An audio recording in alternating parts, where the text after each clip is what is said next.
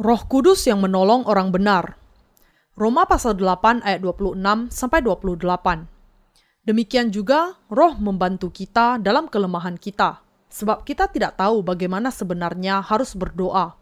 Tetapi roh sendiri berdoa untuk kita kepada Allah dengan keluhan-keluhan yang tidak terucapkan. Dan Allah yang menyelidiki hati nurani mengetahui maksud roh itu, yaitu bahwa ia sesuai dengan kehendak Allah berdoa untuk orang-orang kudus. Kita tahu sekarang bahwa Allah turut bekerja dalam segala sesuatu untuk mendatangkan kebaikan bagi mereka yang mengasihi Dia, yaitu bagi mereka yang terpanggil sesuai dengan rencana Allah. Roh Kudus itu ada di dalam hati orang-orang yang percaya kepada kebenaran Allah. Roh Kudus membuat mereka berdoa dan menolong mereka melakukannya. Ia juga menaikkan syafaat bagi mereka dengan keluhan yang tidak terkatakan. Ini berarti bahwa Roh Kudus menolong mereka berdoa sesuai dengan kehendak Allah. Inilah sebabnya mengapa orang-orang yang percaya kepada kebenaran Allah disebut sebagai anak-anak Allah. Tuhan berjanji kepada mereka bahwa Ia akan selalu beserta mereka sampai akhir zaman.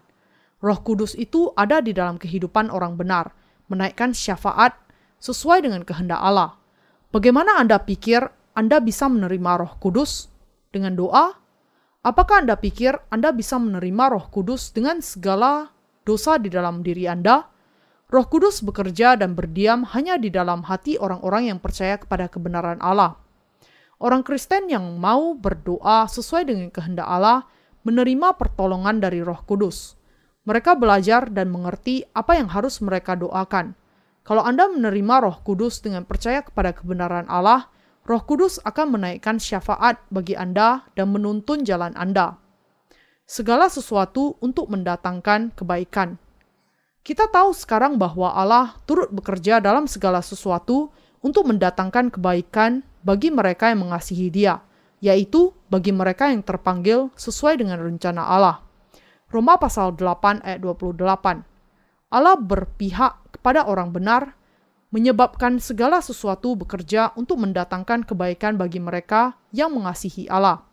Ia mungkin kadangkala memakai musuh kita bagi kebaikan kita, tetapi pada akhirnya ia akan menghukum mereka atas dosa-dosa mereka.